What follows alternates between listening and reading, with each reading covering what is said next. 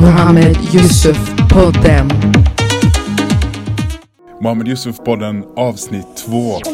Tjena shababs, Black Santa här a.k.a. Anna Sara. Med mig har vi the one and only Ilja Karlampi. Haha, fantastiskt. Hur är läget då? Ja, det är fint Ilja. Hur är det själv? Jo, men det är bara bra. Vi har lite speciella omständigheter nu. Eh, vi kan inte ha så mycket folk i studion och spela in live här med att Albins hjärta har lite restriktioner också. Det innebär inte att vi har ett sämre material för det, snarare tvärtom. I nummer två här, det kommer väldigt bra grejer. Bättre till och med.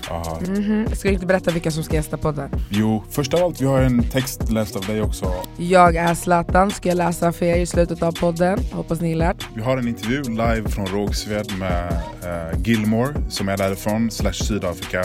Han och hans manager, vi kommer träffa dem på Amo demo. Och han berättar lite om inför hans signing. Det ska bli spännande att få höra mer om det faktiskt. Det blir väldigt spännande. Vi har också en intervju med Rasmus Ras Lindvall från eh, den kända 90-talsgruppen Robin Ras. Han kommer berätta lite anekdoter om eh, när han började DJ'a på Stureplan efter turnerandet. Nice. Det kommer bli ett grymt avsnitt så eh, häng kvar. Let it spin off!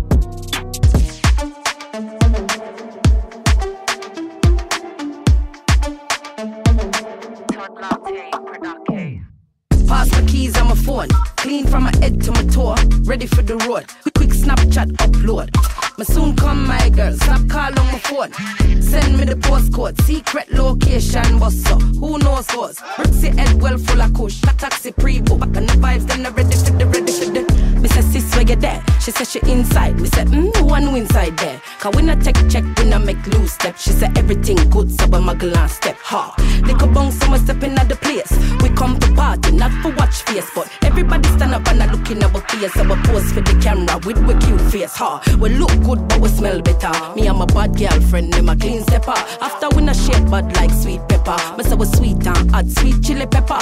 Rum bust up in her head like blood pressure. After we not good girl, we a troublemaker. After we not follow fashion, we a trendsetter, ha. Huh? We know better, so we dress better, ha. Huh? Pass my keys and my phone, clean from my head to my toe, ready for the road. We quick Snapchat upload. But soon come my girl, stop calling my phone.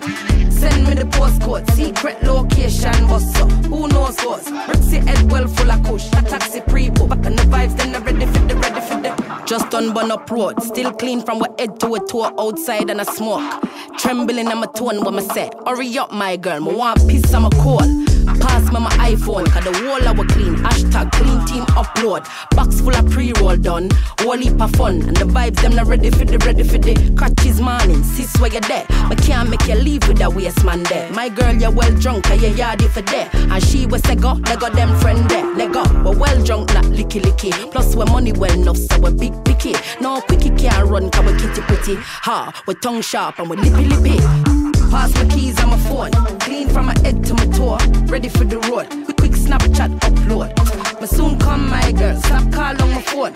Send me the postcode. Secret location. What's up? Who knows what's? Bricks your head well full of kush. A taxi pre-book. But the vibes then the rest after party, I keep lip glass on my lip. White rum in the cup of me, I sip. Push bus up in a brain and I jump and I sip. Me, I wind up myself and I bite on my lip. See my nice clean rizzler, don't tear it. Roll couple more skiff, roach card for the tip. Pre roll, reload, I'm ready for the road. Medi fully steady, them not ready for the ready for the time to bring it to the owner. That's how it them. Yeah, five missed calls, me say, babes, where you there? I know you're well drunk, I your yard if you there. Me park outside at the front of the step. Breaking news, babes, outside me them. Couldn't make my friend friend leave with that waste man there. Just I walk down the stairs to the front of the step, chewing gum for the rump on my breath. Pass my keys on my phone, clean from my head to my toe, ready for the road. Quick, quick Snapchat upload. But soon come my girl, stop call on my phone. Send me the postcode, secret location, boss up. Who knows what's? Bricks head well full of kush, a taxi pre-book. And the vibes then I ready for the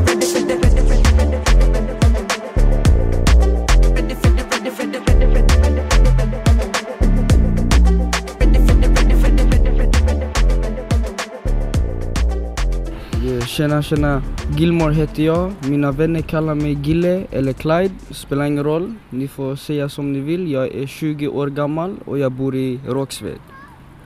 Så jag är uppvuxen i Sydafrika, kom hit när jag var 10 år gammal.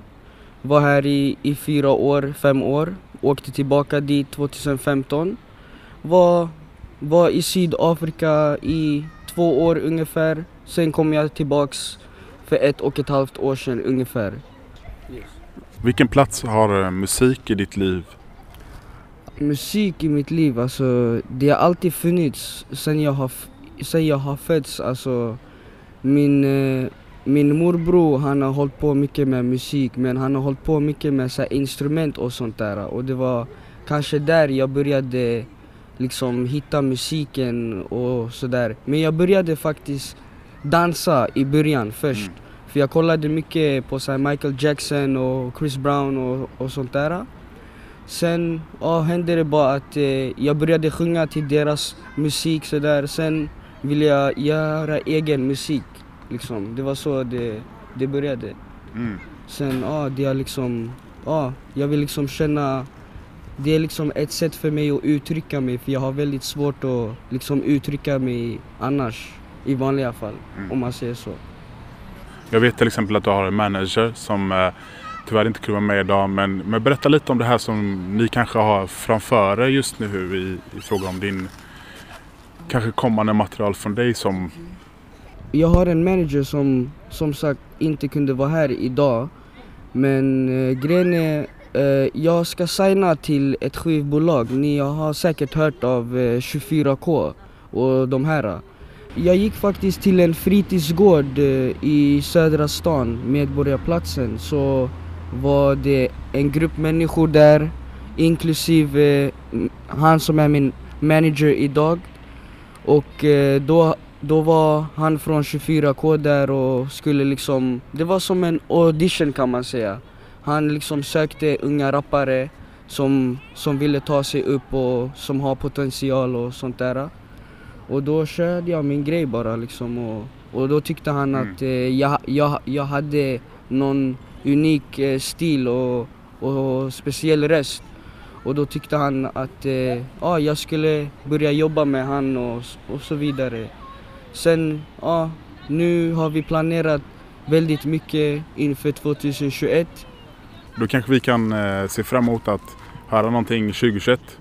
Kanske vi kan droppa något här i, kommande episod av Mohammed Yusuf-podden också. Okej, okay, så du var på eh, fritidsgård där, Medborgarplatsen. Ni hookade upp och, och, och 24K han är en eh, rappare eller han är en producent? Um, han, är, han 24K det är liksom en grupp, alltså ja. det är liksom inte en rappare eller liksom en, en, en person, det är liksom en hel grupp liksom. Så det är typ som ett kollektiv människor som gör olika grejer? Ja men exakt, det stämmer, exakt. Uh, han som rappar det, um, det är kusinen faktiskt till min manager. Eller storebror, uh, mm. lillebror förlåt. Ja. Coolt. Hur, hur, ser, eh, hur ser det praktiska arbetet ut inför det här som ni förbereder nu? Har ni möten tillsammans? Är det så att du gör studiotid eller hur ser det dagliga praktiskt arbete ut? När... Eh, alltså, just det här året har varit ett jobbigt år faktiskt mm. på grund av Corona. Jag har inte kunnat vara i studion så mycket. Jag har varit i studion faktiskt eh, några gånger, alltså typ så fem, sex gånger har jag varit i studion det här året kan man säga. Det, det är väldigt lite för, för ett helt år om, om man säger så. Mm. Men eh, annars, vi håller kontakten via lur eller sms. Vi, han, han, han kan ringa mig och liksom pusha mig och liksom han kan säga ja men skriv texter så det är klart. Mm. Så att när vi, när vi får studiotid så, mm. så att jag är beredd liksom. Just det. Så ja, men eh, Just nu går det lite långsamt skulle jag säga faktiskt. Det är inte så mycket som händer just nu men förhoppningsvis nu kommande månaden, månaderna kanske hoppas jag det händer något. Apropå ditt eh, arv, mycket musik från Sydafrika nu kommer ut som olika typer av house och, och dansmusik och, och, jag har hört rykten om att olika USB-stickor säljs i så taxibilar där eh, hitsen kommer. Kan du berätta lite om eh, eh din erfarenhet av den eh, musikkulturen? Okej, okay, ja alltså det är väldigt mycket som du säger i taxi så är det alltid musik, högsta vo volymen och det är inte såna här små taxis. Det är inte taxibilar, det är så här taxibussar om man säger okay. så. Det är liksom, det är inte, de tar inte en person åt gången, ja. de tar liksom flera. Och då är det alltid musik eh, i taxibilarna. I varenda taxibil finns det musik. Och eh, nu när du snackar om de här USB-stickorna så har varenda taxi har minst 20 stycken som, som de faktiskt säljer. Oh. Det stämmer faktiskt. Det, det finns väldigt många som säljer eh, musik sådär för att det finns inte så mycket. Vi är en eh, third world country om man säger så. Vi har inte wifi överallt just som här i Sverige. Så det är lite svårt att liksom ladda ner grejer och sånt där. För jag hoppas att eh, ni är beredda på att eh, det, vara med på min, eh, på min väg om man säger så. Mm. Gilmore understreck official på Instagram. Sen det är bara eh, följa 24K musik på Instagram och där. Sen, ja. Tack så jättemycket. All right.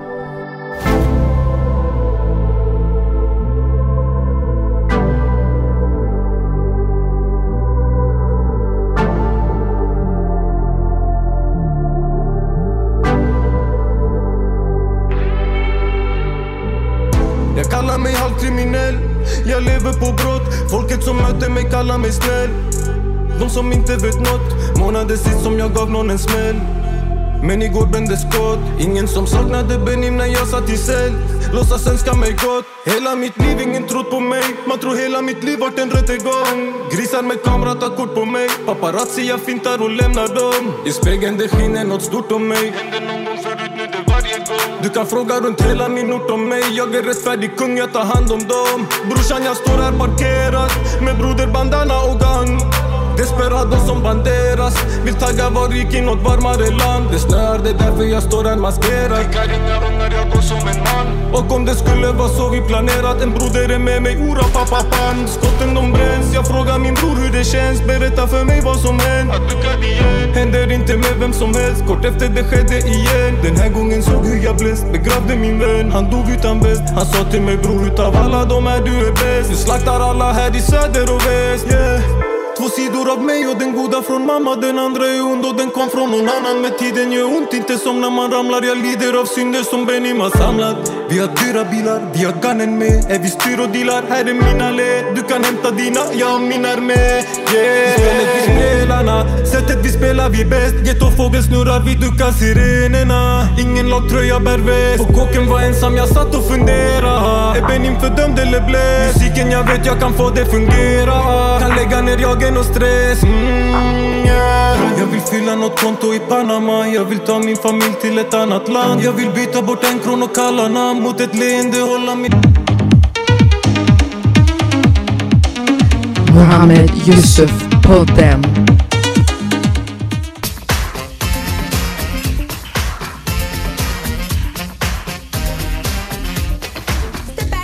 Jag går rakt på helt enkelt. Eh, jag läser här på din Instagram, eh, Raz. 1992, för detta brända tomten East. Restaurangchefen Jonas föreslår, eftersom ni turnerar halva veckan och sedan kommer ni hit och bränner gaget på söndagar. Varför kan ni inte stå på andra sidan baren och spela skivor? Kan du ge oss lite kontext på det här? År och plats 92 på Stureplan. Ja, det var rätt kul för Stockholm var lite annorlunda. Allt var ju centrerat kring eh, Kungsträdgården då. Och eh, det hände inte så mycket på Stureplan.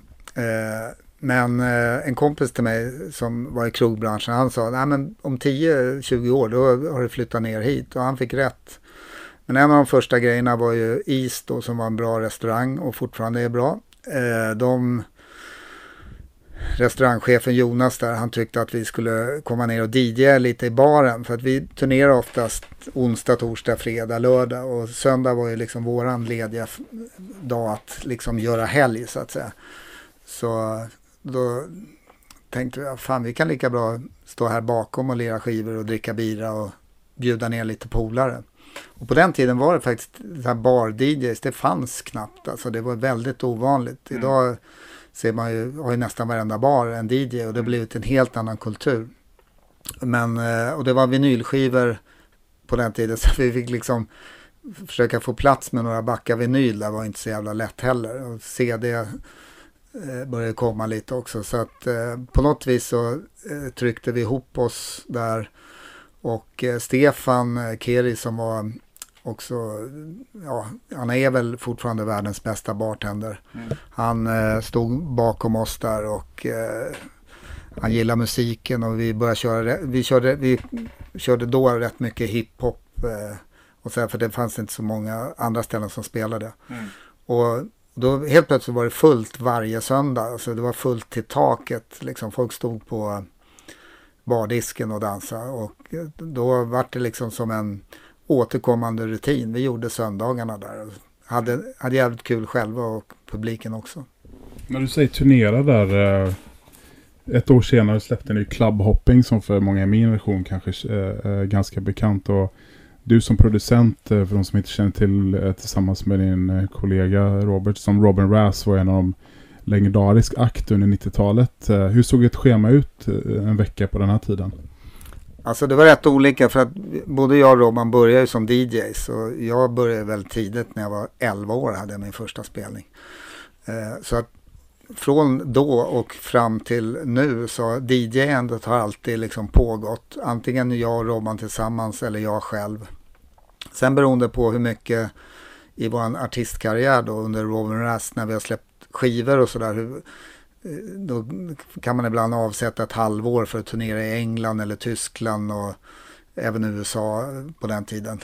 Eh, men även en sån här omfattande Sverige-turnéer, det var ju folkparker och sånt där mm. på 90-talet och sen mycket klubbturnéer. Så då växlar vi liksom mellan där så att en typisk en, en, vecka kunde det se ut ibland att man hade en DJ-spelning på onsdagen och sen så en folkparksspelning på fredagen och sen en klubb på lördagen och sen East på söndag. Och sen tillbaka in i studion och försöka skriva. Fick man betalt i cash ibland också eller var det en banköverföring med ett par dagar på den tiden? I början på 90-talet var det ju mycket cash i liksom COD. Och det, det fanns faktiskt eh, vissa klubbar, framförallt eh, utanför Stockholm, som i stort sett, eh, de hanterar bara kontanter. Liksom. Det, var, det var deras grej liksom. Om vi spelar tillbaka några år eh, till 1989. Ni jobbade med Leila K. Då från Bergsjön i Göteborg och eh, kom ut med Got to Get. Ja, det stämmer. Vi, eh, vi hade gjort två låtar med Pappa D, eh, Competition is None och Microphone Poet. Som blev så här storstadshits liksom. Eh, sen eh, hade vi två grunder, varav en då var Got to Get med en stark melodislinga som vi kände att den var lite mer så här happy. Och då, på den tiden så var vi rätt mycket i England och USA och mm. vi hade uppmärksammat kvinnliga rappare, alltså Moni Love och Queen Latifah och Roxanne Chanté.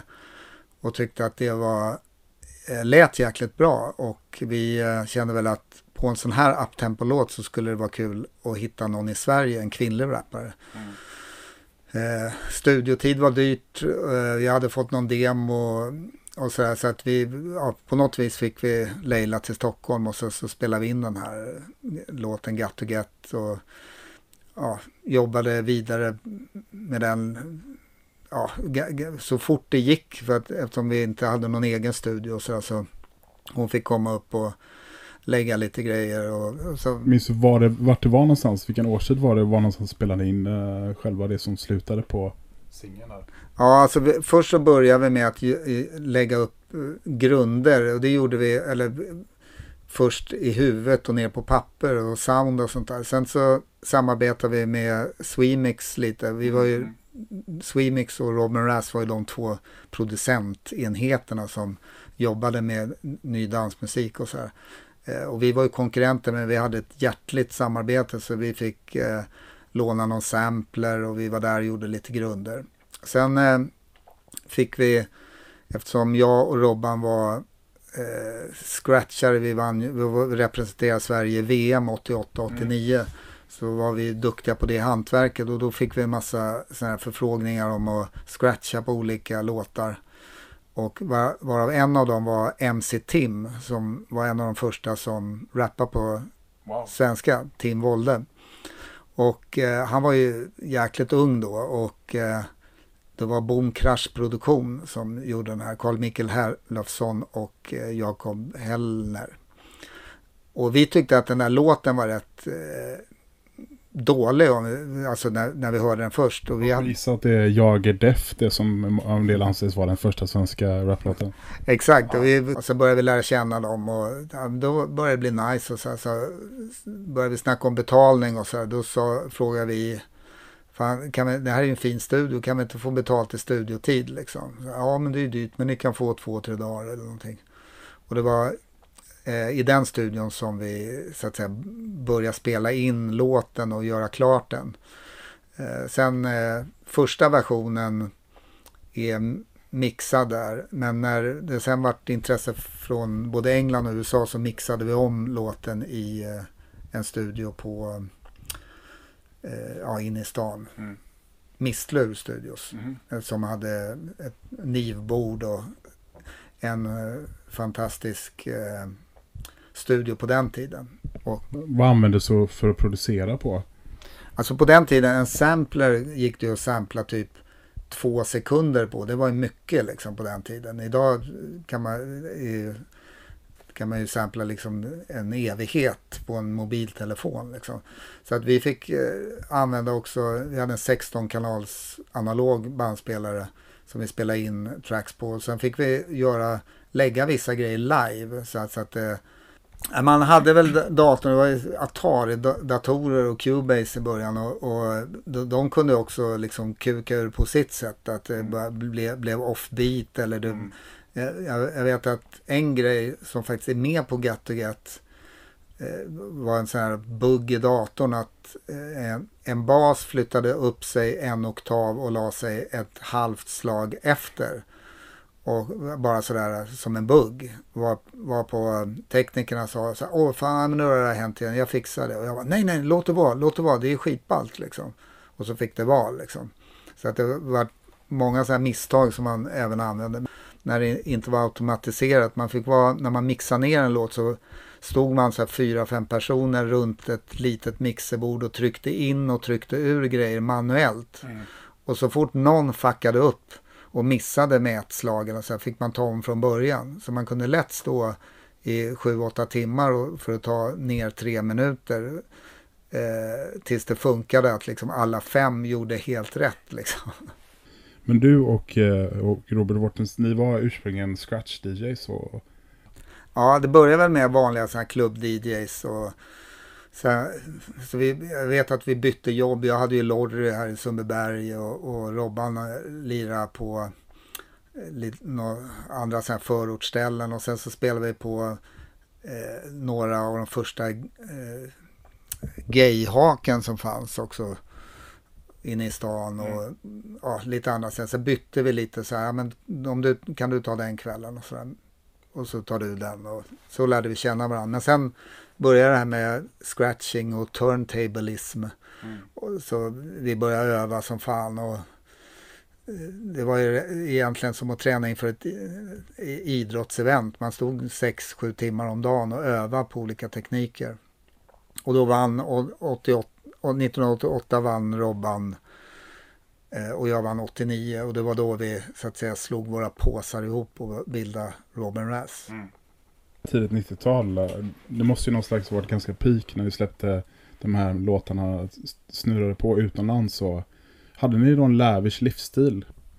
Alltså man kan säga att vi hade sjukt stora mål med allting. Eh, det första vi sa när vi började göra musik det är att vi ska slå i världen. Liksom. Och det, sånt vågar ju knappt svenskar säga. Liksom. Men ABBA hade ju lyckats och Roxette eh, strax där innan. Men vi vill liksom ge, ge, oss in som första svenskar på dansmusik om man nu får använda det som ett brett begrepp. Mm. Alltså inom rap, house, hiphop. Och, och vi, det var liksom vårt mål. Och vi var extremt eh, liksom målmedvetna och rätt störiga och kaxiga. Så vi, vi bara såg framåt. Så vi gjorde allt som krävdes för att eh, försöka låta lika bra som det vi lyssnar på från USA och England och sådär. Men det går ju eh, åt det hållet också med tanke på eh, med streaming och sådär så är det lika lätt för en thailändare att lyssna på en låt dagen efter man har släppt den som en svensk. Då, på den tiden var det ju export och import, så då var man ju tvungen att vara på ställen och promota. Det var, där har vi turnerat extremt mycket.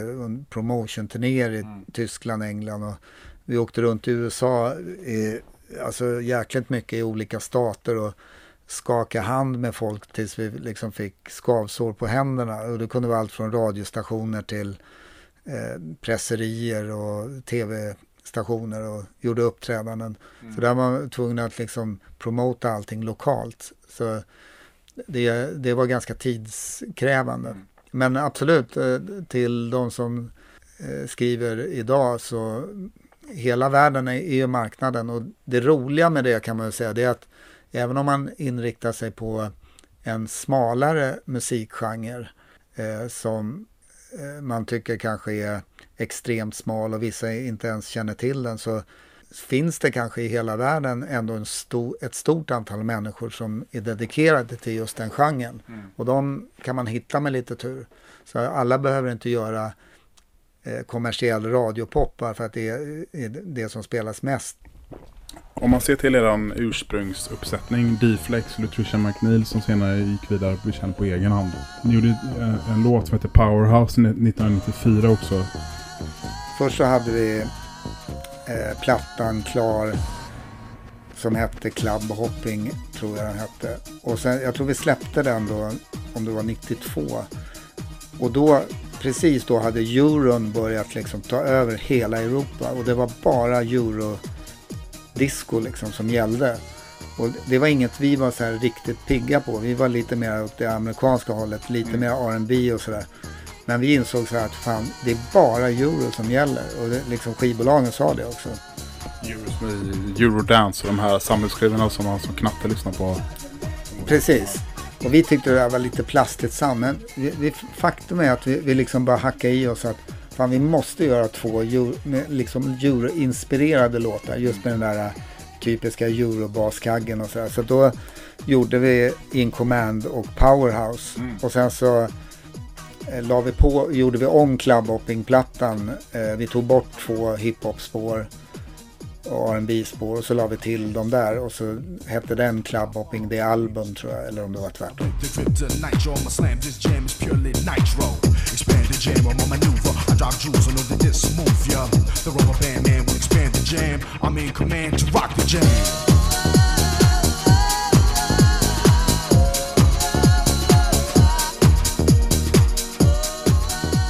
In Command var ju, eh, låg ju etta på listor och var hit och Powerhouse gick bra. Så det, det var lite så att man, man fick faktiskt vika sig lite efter mm. marknaden eh, för att liksom betala hyran typ. Mm.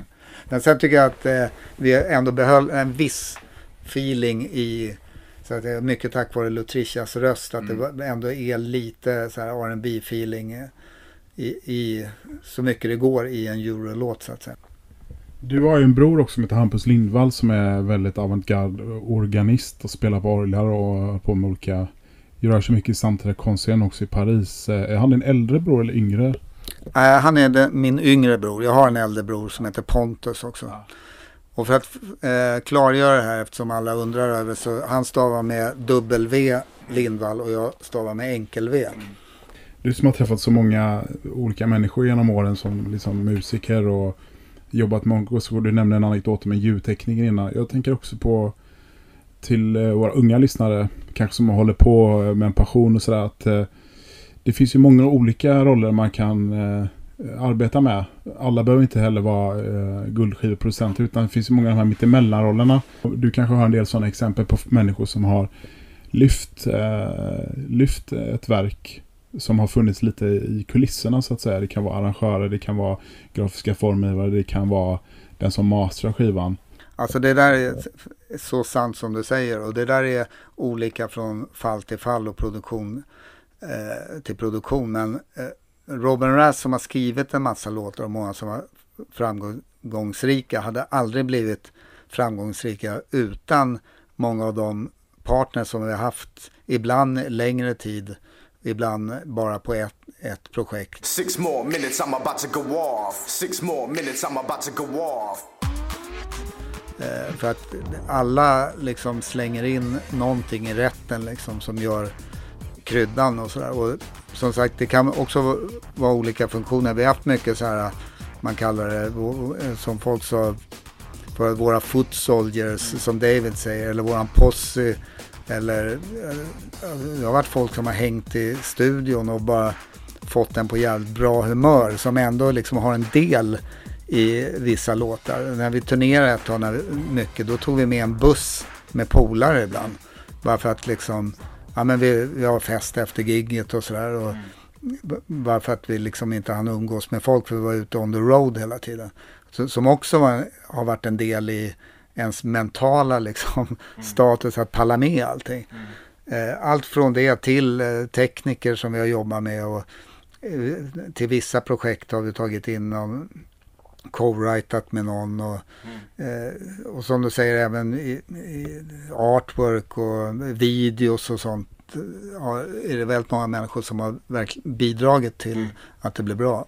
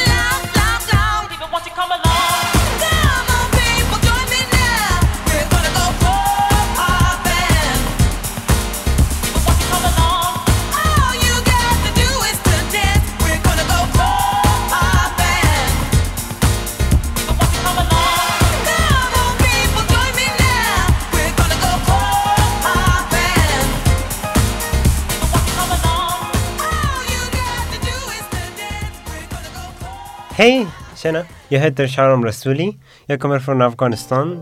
Jag har varit i Sverige uh, tre år och jag studerar nu på Sandbody gymnasium. Vi träffades på Albys hjärta. Uh, du kom hit med bibliotekarier och ni hade en skrivövning. Uh, kan du berätta lite om den skrivövningen och hela projektet och hur du kom i kontakt med det projektet? Projekten heter Att vara hemma, alltså teman var hemma. Vi gjorde mycket saker. Vi skrev vi ritade, vi gjorde mosaik, eh, vi fixade mosaiker. Alltså, vi visade våran hem. Vilken färg vi gillade mest om hem. Vad är, för, vad är hem för oss?